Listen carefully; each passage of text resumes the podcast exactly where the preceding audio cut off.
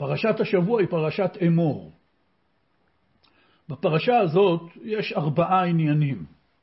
יש שם איסורים על הכהנים בדרך שבה הם עובדים את הקדוש ברוך הוא במשכן ובמקדש. יש שם כל מיני הגבלות למי מותר להקריב קורבנות בבית המקדש ובמשכן. יש שם את כל פרשיות המועדים והחגים,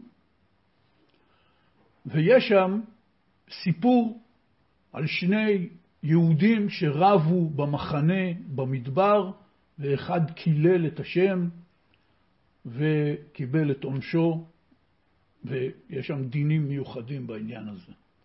בתוך פרשיות המועדים יש את מצוות ספירת העומר, ופרשת אמור תמיד נקראת בחודש אייר, ותמיד בזמן ספירת העומר. ולכן כמובן זה זמן טוב לדבר קצת על מצוות ספירת העומר שאנחנו נמצאים בה. וכפי שאמרו צדיקים, בספירת העומר יש 49 יום, שזה בגימטריה לב טוב. לב, ל"ב, זה 32.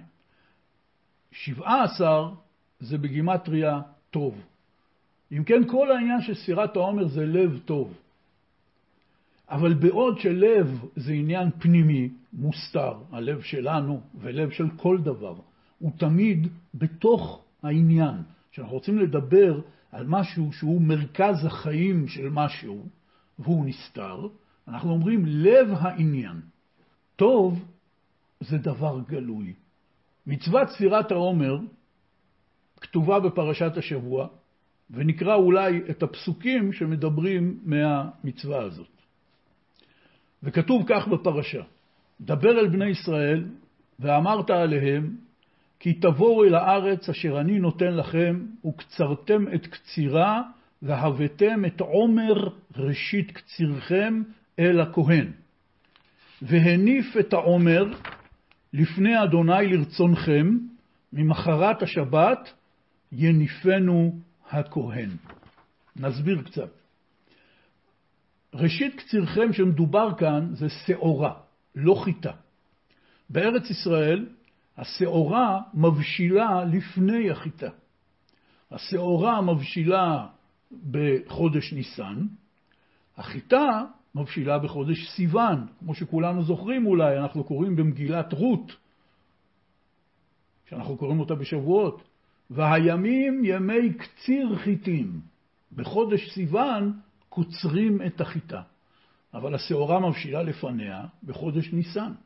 לכן ראשית העומר, ראשית, ראשית קצירכם, זה קציר שעורה. כתוב כאן בפסוקים שקראתי, ממחרת השבת, והניף את העומר לפני השם לרצונכם, כלומר כדי שתהיו רצויים לפני הקדוש ברוך הוא, ממחרת השבת יניפנו הכהן. איזה שבת? וחכמינו קיבלו בתורה שבעל פה שמדובר פה למחרת היום הראשון של חג הפסח. וכך היא ההלכה וכך היו עושים במשך מאות שנים בזמן שבית המקדש היה קיים. שני בתי המקדש, הראשון והשני, שזה קרוב ל-830 שנה. ביום שלאחר היום טוב הראשון של פסח, כלומר היום הראשון של חול המועד, היו הולכים קבוצה גדולה של אנשים עם הכהן אל שדה שעורים, ושם היו קוצרים את העומר הראשון. עומר זאת אלומה של שעורים, והיו קוצרים עשירית האיפה. זאת מידה שמוזכרת בתורה, הנפח שלה, לפי שיטת הרמב"ם, בזמננו זה בערך שתיים וחצי ליטר. כלומר, מדובר בעומר מאוד קטן. נפח של שעורים שנכנס בשני ליטר. שני ליטר זה בקבוק אה, גדול. הנפח הזה, זה נקרא עומר, עשירית העיפה. והוא היה קוצר את העומר הראשון. היו טוחנים את השעורה, עושים ממנה קמח, מנפים אותו בשלוש עשרה נפות, ומהקמח הזה היו אופים מנחה. היו שמים מערבבים בשמן, מזלפים עליה לבונה, שזה חומר עם ריח מאוד טוב, ואת המנחה הזאת היו מקריבים בבית המקדש ומניפים אותה כלפי מעלה לארבע רוחות השמיים למעלה ולמטה. הכהן היה עומד עם המנחה, סוג של מאפה, שאפו עם שמן ולבונה מהקמח שעורים שנטחן מהעומר הראשון, הוא היה מניף אותו לכל הכיוונים, והיו מקריבים אותו בבית המקדש. לכן הוא נקרא עומר התנופה. כתוב והניף את העומר, את זה קראנו. ממשיכה התורה, אחרי שהיא מתארת את כל פרטי הקורבן, אני מדלג על הפסוקים האלה. וספרתם לכם ממחרת השבת, מיום אביאכם את עומר התנופה, שבע שבתות תמימות תהיינה, עד ממחרת השבת השביעית תספרו חמישים יום, והקרבתם מנחה חדשה לאדוני. כלומר, ביום הראשון של חול המועד פסח, אחרי היום טוב הראשון, היו קוצרים את העומר, טוחנים אותו, מנפים אותו, אופים ממנו את המנחה, את, את מנחת השעורים, מניפים אותה כלפי מעלה ומקריבים אותה, ומאז צריך לספור שבעה שבועות עד ליום חג השבועות. יום חג השבועות הוא חג מאוד מיוחד ושונה בתורה. מדוע? ש... מפני שעל כל חג כתוב בתורה בדיוק מה התאריך שלו. פסח זה ביום חמישה עשר בניסן, וסוכות זה ביום חמישה עשר בתשרי, וראש השנה זה באלף בתשרי, ויום כיפור זה בי' בתשרי, וכן הלאה. אבל שבועות, שהוא אחד משלושת הרגלים, לא כתוב התאריך שלו. אנחנו חוגגים אותו בו' בסיוון. אבל בתורה כתוב שצריך לחגוג אותו בסיום שבעת השבועות. ולכן הוא נקרא חג השבועות. אומרת התורה, מאותו יום שהנפתם את עומר התנופה, תספרו שבעה שבועות תמימים, שבתות תמימות, שלמים, ומיד שהם ייגמרו, אחרי 49 יום, ביום החמישים תחגגו את חג השבועות, את מתן תורה. זאת המצווה. וכמובן, זאת המצווה שאנחנו מקיימים היום במצוות ספירת העומר, בכל יום. יש מחכמי ישראל שסברו שהמצווה לספור את השבועות, מצוות ספירת העומר, היא נוהגת בזמננו מהתורה. ויש, הרוב, רוב רבני ישראל בכל הדורות, סברו שזה לא מהתורה, אלא זאת תקנה של חכמים לזכר המצווה. אז זאת מצוות ספירת העומר. מה הטעמים הפנימיים שיש בספירת העומר? הזוהר הקדוש אומר ששבעת השבועות זה כמו היטהרות של אישה לבעלה. כלומר, 49 הימים האלה זה היציאה מתוך 49 שערי טומאה אל הקדושה. כדי להתכונן בטהרה ובקדושה למתן תורה, שזה העיקר. וחכמי ישראל אמרו שלושה טעמים שנדבר עליהם כאן כרגע לכל העניין של מצוות ספירת העומר. הטעם הראשון, שזה כמו שהאדם סופר את הימים לקראת משהו ענק שעומד להיות. הדוגמה לזה, מה שקופץ לי בראש כרגע, בזמננו, זה כמו חייל שהולך להשתחרר מהצבא. אם תשאל אותו עוד כמה זמן הוא משתחרר, הוא יגיד לך על הימים. כי הוא סופר את הרגעים עד ליום השחרור. ככה עם ישראל מכין את עצמו בגעגועים ובתשוקה ליום מתן תורה. שהרי כל העניין הוא פה מיציאת מצרים ועד חג השבועות. מפסח ועד שבועות זה מיציאת מצרים ועד מתן תורה. וכל השבעה שבועות האלה הם זמן ההמתנה, הם זמן ההכנה לקראת מתן תורה. אלה ימים של געגועים למתן תורה. זה הטעם הראשון. ויש את הטעם השני, שהסבירו שהעניין הוא פה עומר השעורים דווקא. מה ההבדל בין שעורה לבין חיטה? חיטה זה מאכל האדם, ולחם יסעד לבב אנוש. חיטה זה המאכל העיקרי של האדם, הלחם וכל המאפים. שעורה? שעורה, אנשים אוכלים גם שעורה, אבל בעיקר השתמשו בשעורה למאכל בהמה. כלומר, השעורה נחשבת דגן שהוא ברמה יותר נמוכה מהחיטה, הוא מאכל בהמה. והסבירו בספרים שכל העניין פה, שלפני שמתחילים את הספירה לקראת מתן תורה, הדבר הראשון הוא לרומם את הגשמיות. לוקחים את עומר השעורים, שהוא מאכל בהמה, ועושים ממנו מנחה לשם ומניפים אותו כלפי מעלה. ככה האדם צריך לעשות בבהמיות שיש בחייו. הבהמיות, שזה שם כינוי לגשמיות, לנמכות, להתעסקות בכל מיני עניינים חומריים, אי אפשר לבטל אותה. זה חלק בלתי נפרד מהטבע של האדם, מהחיים של האדם. אבל האדם צריך לקחת את הגשמיות ואת הבהמיות ולרומם אותה כלפי מעלה, לעשות ממנה מנחה לשם. תאכל, תשתה, תצא לחופש, תהנה, תבלה. אבל כמו שנפסק להלכה בשולחן ערוך, תעשה את כל זה מתוך כוונה. אני עושה את כל זה כדי להיות בריא ושמח ומאושר, כדי שאוכל לעבוד את השם יתברך במלוא הכוחות שלי, בפול גז.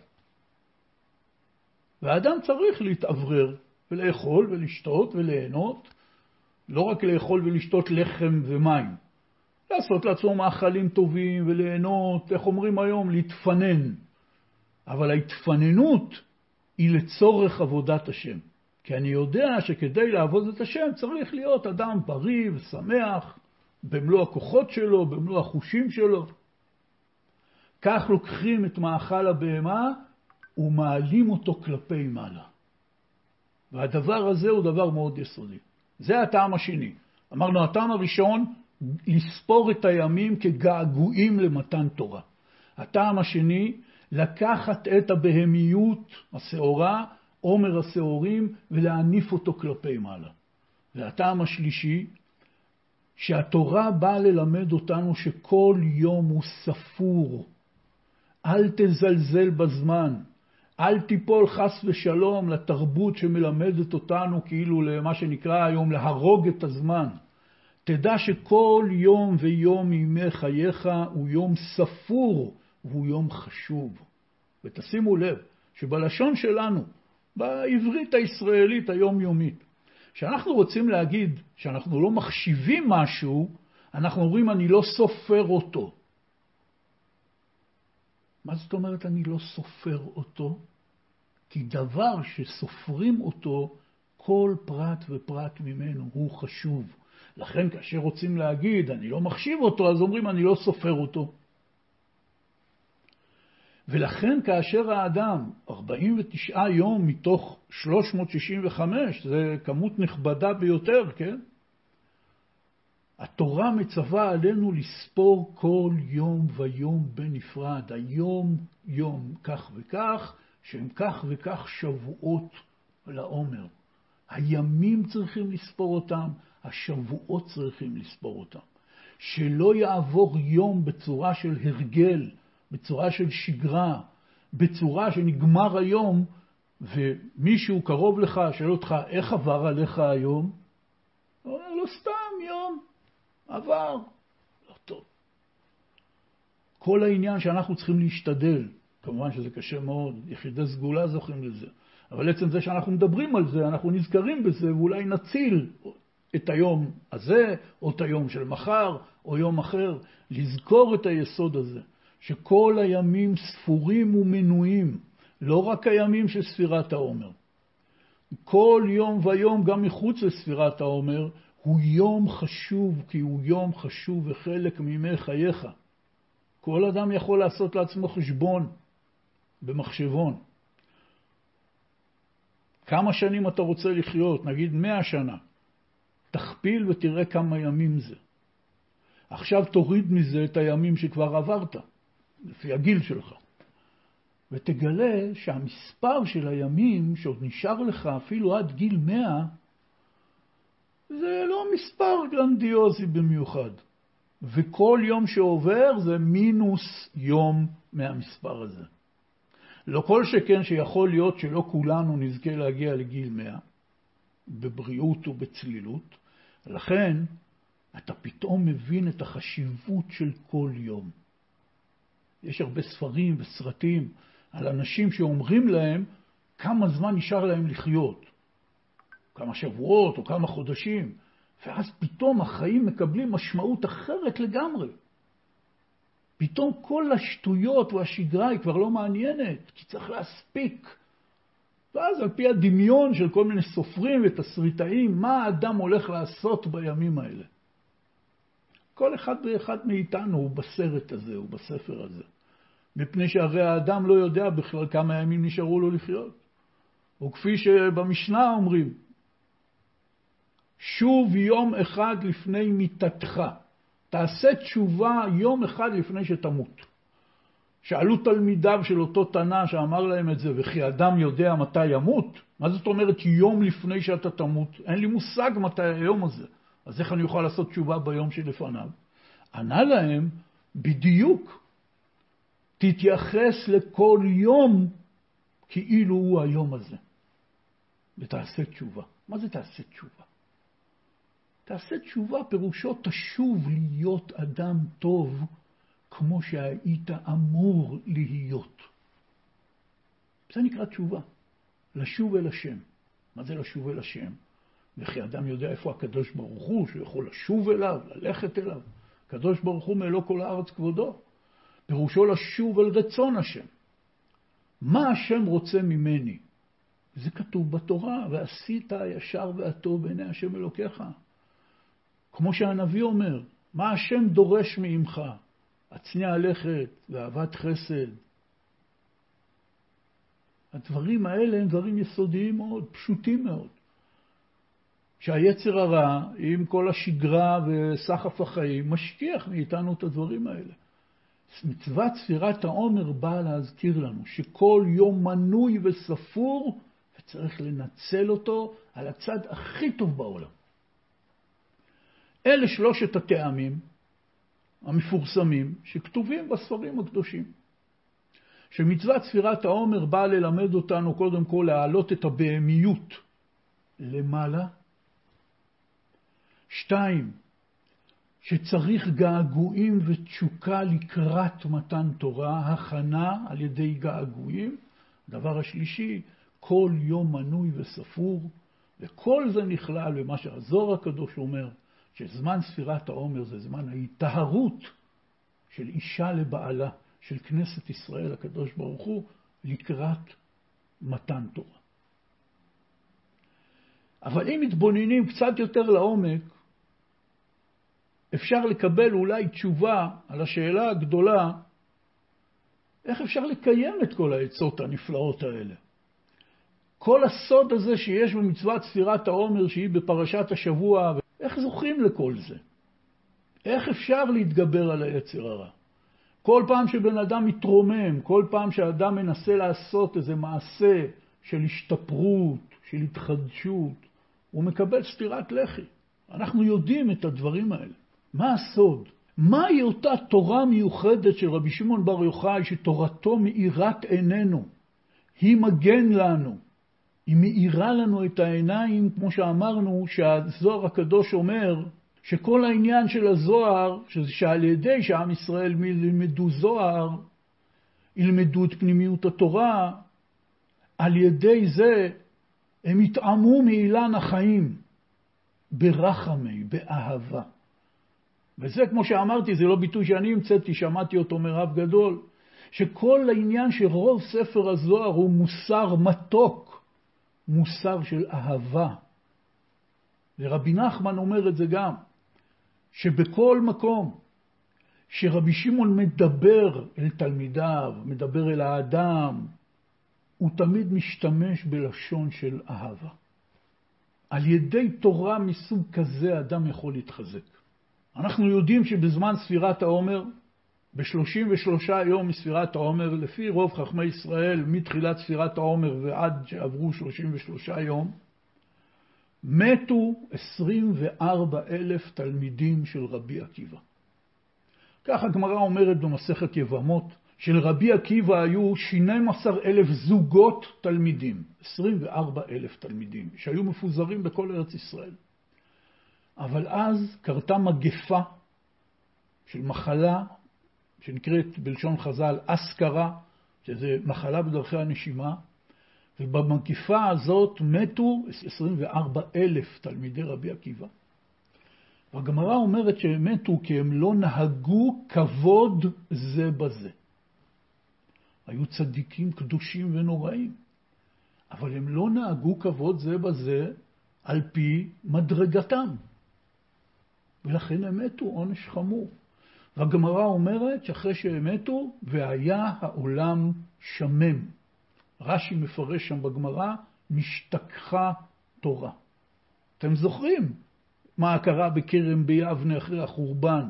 חכמים אמרו, עתידה התורה שתשתכח מישראל. אמר להם רבי שמעון בר יוחאי שלא תשתכח. והנה כשמתו 24 אלף תלמידי רבי עקיבא, היה העולם שמם, התורה נשתכחה. מה עשה רבי עקיבא? מספרת לנו הגמרא, הוא ירד לדרום ולימד חמישה תלמידים חדשים את כל התורה כולה. ועל ידי חמשת התלמידים האלה היה שיקום של לימוד התורה עד לימינו. אנחנו כולנו לומדים במשנה, בגמרא, במדרשים, את דברי אותם חמישה תלמידים וכמובן תלמידיהם ותלמידי תלמידיהם. אחד מחמשת התלמידים האלה היה רבי שמעון בר יוחאי. והנה בזוהר הקדוש יש שני קטעים, אחד נקרא האידרא רבא ואחד נקרא האידרא זוטא. קטעים לא ארוכים, שזה קטעים מיוחדים של התכנסות של רבי שמעון עם תלמידיו, שהוא גילה סודות עליונים שלא גילה להם בשום הזדמנות אחרת. אידרא רבה, מה זה אידרא? אידרא פירושו גורן בארמית. גורן היא עגולה. הם ישבו שם בחצי גורן, כי כשאנשים יושבים בחצי עיגול, כל אחד רואה את השני. וככה מסבירים חכמי ישראל. הם ישבו בחצי גורן כדי שיהיה מבט עיניים של כל התלמידים אחד לשני ולרב, ויוכלו לשמוע כל אחד את השני ויוכלו לדבר כל אחד לשני. זה נקרא אידרא, זה גורן. אידרא רבא זה האידרא הגדולה. למה היא נקראת גדולה? כי באידרא רבא, באותו כינוס של רבי שמעון בר יוחאי עם תלמידיו, היו עשרה, רבי שמעון ותשעה תלמידים. באידרא זוטא, זוטא זה קטן, האידרא הקטנה, כבר לא היו עשרה, היו רק שבעה. לכן זה נקרא ההידרה הקטנה. ההידרה רבה מוזכר בזוהר בפרשת נשוא. ההידרה זוטה מוזכר בזוהר בפרשת האזינו. תמיד בהילולה של רבי שמעון בר יוחאי יש מנהג לקרוא את ההידרה זוטה. מפני שבהידרה זוטה זה יום פטירתו של רבי שמעון, ועל פי חלק גדול מחכמי ישראל, היום הזה נקרא ההילולה של רבי שמעון בר יוחאי, מפני שזה גם יום פטירתו. יש כאלה שסוברים שזה לא יום פטירתו בדווקא. אבל באידרא זוטא בפרשת האזינו בזוהר, מתוארת שם פטירתו של רבי שמעון, הסודות שהוא גילה לתלמידיו ביום פטירתו, ואחרי כן מתוארת פטירתו בתיאור מרטיט פשוט. כאשר רבי שמעון בר יוחאי בא באידרא רבא לגלות לתלמידיו סודות שעד אז הוא לא גילה להם, סודות עליונים מעולמות עליונים, ציטט להם פסוק מהנביא חבקוק. הוא אומר, כאשר מגלים את סודות התורה והכל בא בדרך של יראה, אז צריך יראה גדולה. אבל אנחנו באים לחדש דרך חדשה של גילוי סודות התורה, באהבה. לא ביראה, אלא באהבה. עכשיו אנחנו יודעים, יש שתי מצוות בתורה, שהן שתיהן משש המצוות התמידיות, אחת היא אהבת השם ואחת היא יראת השם. יש כמובן בהם מדרגות לאין סוף ואין מספר, אבל העיקר הוא שכל אדם, איש או אישה, אפילו אנשים פשוטים כמונו, גם אנחנו מצווים במצוות האלה. וכמובן, כאשר צדיק נסגר ומקיים אותם, זה אין ספור מדרגות מעלינו. אבל במצוות אהבת השם כולנו מחויבים, במצוות יראת השם כולנו מחויבים. באופן טבעי, אומר להם רבי שמעון, כאשר מגלים את סודות התורה צריך יראה, אבל אנחנו מגלים דרך חדשה של אהבה. וכתוב שם את המשפט המפורסם, ענן בחביבותא טליה מילתא. אנחנו, הדבר תלוי באהבה. ומסבירים, רבי נחמן מסביר את זה בתורה ס"א בליקוטי מוהר"ן. תלמידי רבי עקיבא הקודמים, אלה שנפטרו במגפה, הם הלכו בדרך של דין, בדרך של צמצומים. אמר להם רבי שמעון לתלמידיו, אנחנו גרסה שתיים, אנחנו הדור השני, אסור לנו לגמור כמוהם. הם הלכו בדרך של דין, לכן הם לא נהגו כבוד זה בזה. אנחנו, אצלנו הכל מבוסס רק על אהבה. ענן בחביבות טליה מילתא. הדרך הזאת, האור הזה של תורתו של רבי שמעון בר יוחאי, כפי שהיא מורקת מכלי אל כלי ומתורגמת עבורנו על ידי הצדיקים שבכל הדורות, ובפרט רבנו הבעל שם טוב הקדוש, וכל תלמידיו ותלמידי תלמידיו, שיסד את תורת החסידות, חסידות זה מלשון חסד, מלשון אהבה, זה האור המיוחד שמשתקף לנו דרך המסננת של הבעל שם טוב, באופן כזה שכל אחד מאיתנו, גם אנשים פשוטים שלא עוסקים בסודות התורה, נוכל לקבל אותו דרך של אהבה. אהבת השם, אהבת התורה ואהבת ישראל. ובתוך המצווה של אהבת ישראל יש גם את העניין של אהבת עצמי. שהאדם יאהב את עצמו בדרך הטובה והנכונה, לא בדרך של תאווה ואגו. אלא הוא יאמין בעצמו ויתחזק. זה באופן כללי אור התורה המיוחדת של רבי שמעון בר יוחאי. אבל דיברנו על מצוות העומר, והסברנו איך זה נעשה. קצירת העומר שעורים הראשון, אפייה של המנחה בבית המקדש, המאפה הזה שהיו מקריבים, הנפתו כלפי מעלה לארבע רוחות השמיים ולמעלה ולמטה, היו מניפים את אותה מנחה. כלומר, בעומר יש שתי פעולות. הימור, הימור פירושו אסיפה, כמו שבהלכות שבת. אחת מל"ט 39 המלאכות האסורות בשבת היא מלאכת מעמר. לעמור בעברית פירושו לקחת כמה דברים ולקבץ אותם ביחד. לכן בשבת, לדוגמה, יש כל מיני הלכות שאם נפלו דברים והתפזרו, לא תמיד מותר לאסוף אותם ביחד. זה נקרא מלאכת מעמר, מפני שהרי ל"ט המלאכות שהיו, שאסורות בשבת, לקחו אותם מכל העבודות שהיו נחוצות לצורך הקמת ותחזוקת המשכן במדבר. ואחת העבודות הנחוצות, כדי שיהיה אפשר לאפות את לחם הפנים שהיו מקריבים יום-יום במשכן ואחר כך בבית המקדש, וכל המנחות, מנחה, מנחות בתורה, פירושו תמיד מאפים. הכל תמיד היה מצה, חוץ מאשר בשבועות שהיו מקריבים חמץ, משעורים או מחיטה, כמו שאמרנו קודם. הימור זה לאסוף דברים. זו הפעולה הראשונה שיש בעומר התנופה. הפעולה השנייה זה התנופה, ההרמה כלפי מעלה. ואפשר אולי כאן ללמוד עצה נפלאה, נוספת לכל מה שדיברנו קודם, מכל המצווה של ספירת העומר, ממצוות עומר התנופה. כי זו דרך ההתחזקות של האדם. ונגיד את זה במילים שאנחנו משתמשים. כאשר מישהו נשבר, מתרסק, אנחנו אומרים לו, תאסוף את עצמך. כי אנחנו משתמשים בדימוי שכאשר האדם נמצא במצב רוח שפל, כתוצאה מאירוע מסוים קשה, או לפעמים בלי סיבה נראית לעין, אנחנו קוראים לזה האדם נשבר, הוא שבור. מה זה שבירה? שבירה זה לקחת דבר אחד ולפזר אותו לחלקים. נכון? הייתה כוס, זכוכית, היא הייתה דבר אחד. זרקנו אותה לרצפה, היא נשברה, היא הפכה לכך וכך רסיסים. אנחנו גם משתמשים בביטוי הזה על בני אדם, הוא שבור לרסיסים. הרעיון הוא פה שכאשר האדם במצב תקין, הוא מרוכז כולו בדבר אחד. זה יכול להיות אהבה, זה יכול להיות איזה פרויקט או משימה בחיים. כאשר יש מצב של שני אנשים שאוהבים אחד את השני, הם ממוקדים, מרוכזים בדבר אחד. אבל כאשר נוצרה בגידה, נוצרה פרידה, הוא נשבר, הוא מתחלק לכמה חלקים. ואז כאשר אנחנו רוצים לתת לו עצה איך לצאת מהמצב הזה, אנחנו אומרים לו, תאסוף את עצמך. זה העומר. אבל לא מספיק לאסוף את עצמך. אתה צריך להתרומם, לקום. כאן אנחנו משתמשים בכל הביטויים האלה.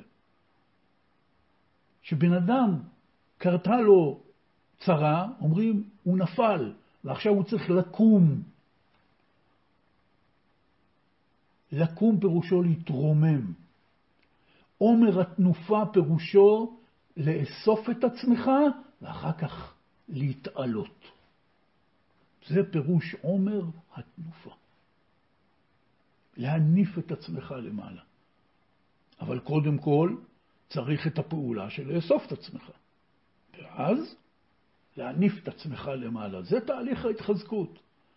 זה התהליך שצריך לעשות אותו מאה פעמים ביום. אנחנו תמיד חולמים על איזה מין ישועה שתבוא לנו, ופתאום, מעכשיו ולנצח, הכל יהיה טוב. במצב רוחני, במצב כלכלי, במצב משפחתי. אבל כל מי שיש לו טיפ-טיפה ניסיון חיים יודע שכמעט אין דברים כאלה בחיים. אין זבנג וגמרנו. וגם בעניין הזה זה כך. בן אדם כל יום נופל ונשבר כמה פעמים, לפעמים בקטן, לפעמים בגדול. לפעמים זה מאיזה מחשבה שקרתה לו, לפעמים זה משהו שהוא לא יודע אפילו מהו, לפעמים זה בגלל שמישהו אמר לו או עשה לו משהו ששבר אותו. לכן התהליך הזה של עומר התנופה, של לאסוף את עצמי ולהתרומם, זה דבר שצריך לעשות אותו כל הזמן בחיים, באופן רציף. וכפי שאמר איזה רב בדברי חיזוק ששמעתי, אנחנו תמיד חולמים להדליק את האש הענקית הזאת ושהיא תבער לנצח, אש של חום, אש של אור. אבל זה לא עובד ככה. העבודה שלנו בחיים זה להדליק נרות קטנים, וככה מגרשים את החושך. עוד מעשה טוב בתורה, עוד מעשה טוב בתפילה, עוד מעשה טוב בגמילות חסדים בין אדם לחברו. כל פעם אני מדליק נר קטן. כאשר מדליקים הרבה נרות קטנים זה מאיר את החושך. ככה אותו דבר בכל רגע של התחזקות זה עומר התנופה. אוסף את עצמך ומניף את עצמך למעלה. ולא סתם, אלא כמו שהסברנו. זה לא שהיו לוקחים את העומר וסתם מניפים אותו, היו לוקחים את העומר וטוחנים אותו ומוציאים ממנו קמח סולת ומנפים אותו בשלוש עשרה נפות כדי שהוא יהיה קמח סולת הכי עדין והכי משובח שיש. והיו מערבבים בו שמן ולבונה ואופים ממנו מנחת שעורים, ואז היו מניפים אותה למעלה. אין לנו את הזמן, וגם אני לא בקיא בכל הסודות שיש בעניין, אבל בוודאי שאפשר לראות כאן רמזים נפלאים מאוד. שקודם כל אוספים את כל השעורים, עומרים אותם לעומר, אני אוסף את עצמי. ואז צריך להוציא מזה את הקמח סולת, את הטוב שיש בזה, עד הקצה האחרון, כי מה נקרא שטוחנים קמח ואחרי זה מנפים אותו, ועוד פעם ועוד פעם, 13 פעמים היו מנפים את הקמח. להוציא ממנו רק את הנקודה הטובה, כי בשעורה, כמו בחיטה, יש גבעול, ויש uh, את הקוצים האלה שמגינים על הזרעים, יש מוץ, יש תבן, כל התהליך שאנחנו קוצרים חיטה או שעורה עד שעושים ממנו לחם, יש עשר מלאכות שעושים כדי להוציא מזה את הנקודה הטובה, המשובחת, הקמח סולת, הכי טוב שיש. עם ניפוי אחרי ניפוי. ומהנקודות הטובות האלה, מהקמח סולת הזה, מערבבים בזה שמן, שבדרך כלל שמן מרמז על חוכמה, ולבונה, שזה ריח טוב, זה דבר מאוד מאוד עליון, אופים מזה מנחה לשם, ואותה מניפים. זה תהליך ההתחזקות. אני אוסף את עצמי, מנפה מתוך עצמי את הנקודות הטובות באמת, ואותם אני מגיש לפני השם יתברך, מניף אותם למעלה. זה תהליך ההתחזקות. זה האור המיוחד שאפשר ללמוד מהתורה של רבי שמעון בר יוחאי. וזה הביטוי השגור אצלנו כאשר רוצים לחזק אדם שנפל, שנשבר, כל הביטויים האלה. אומרים לו חזק ואמץ. הביטוי הזה מופיע שמונה פעמים בתנ"ך.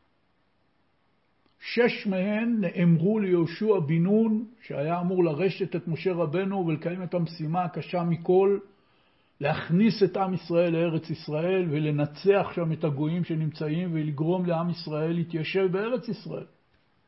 שזאת הייתה מטרת כל יציאת מצרים.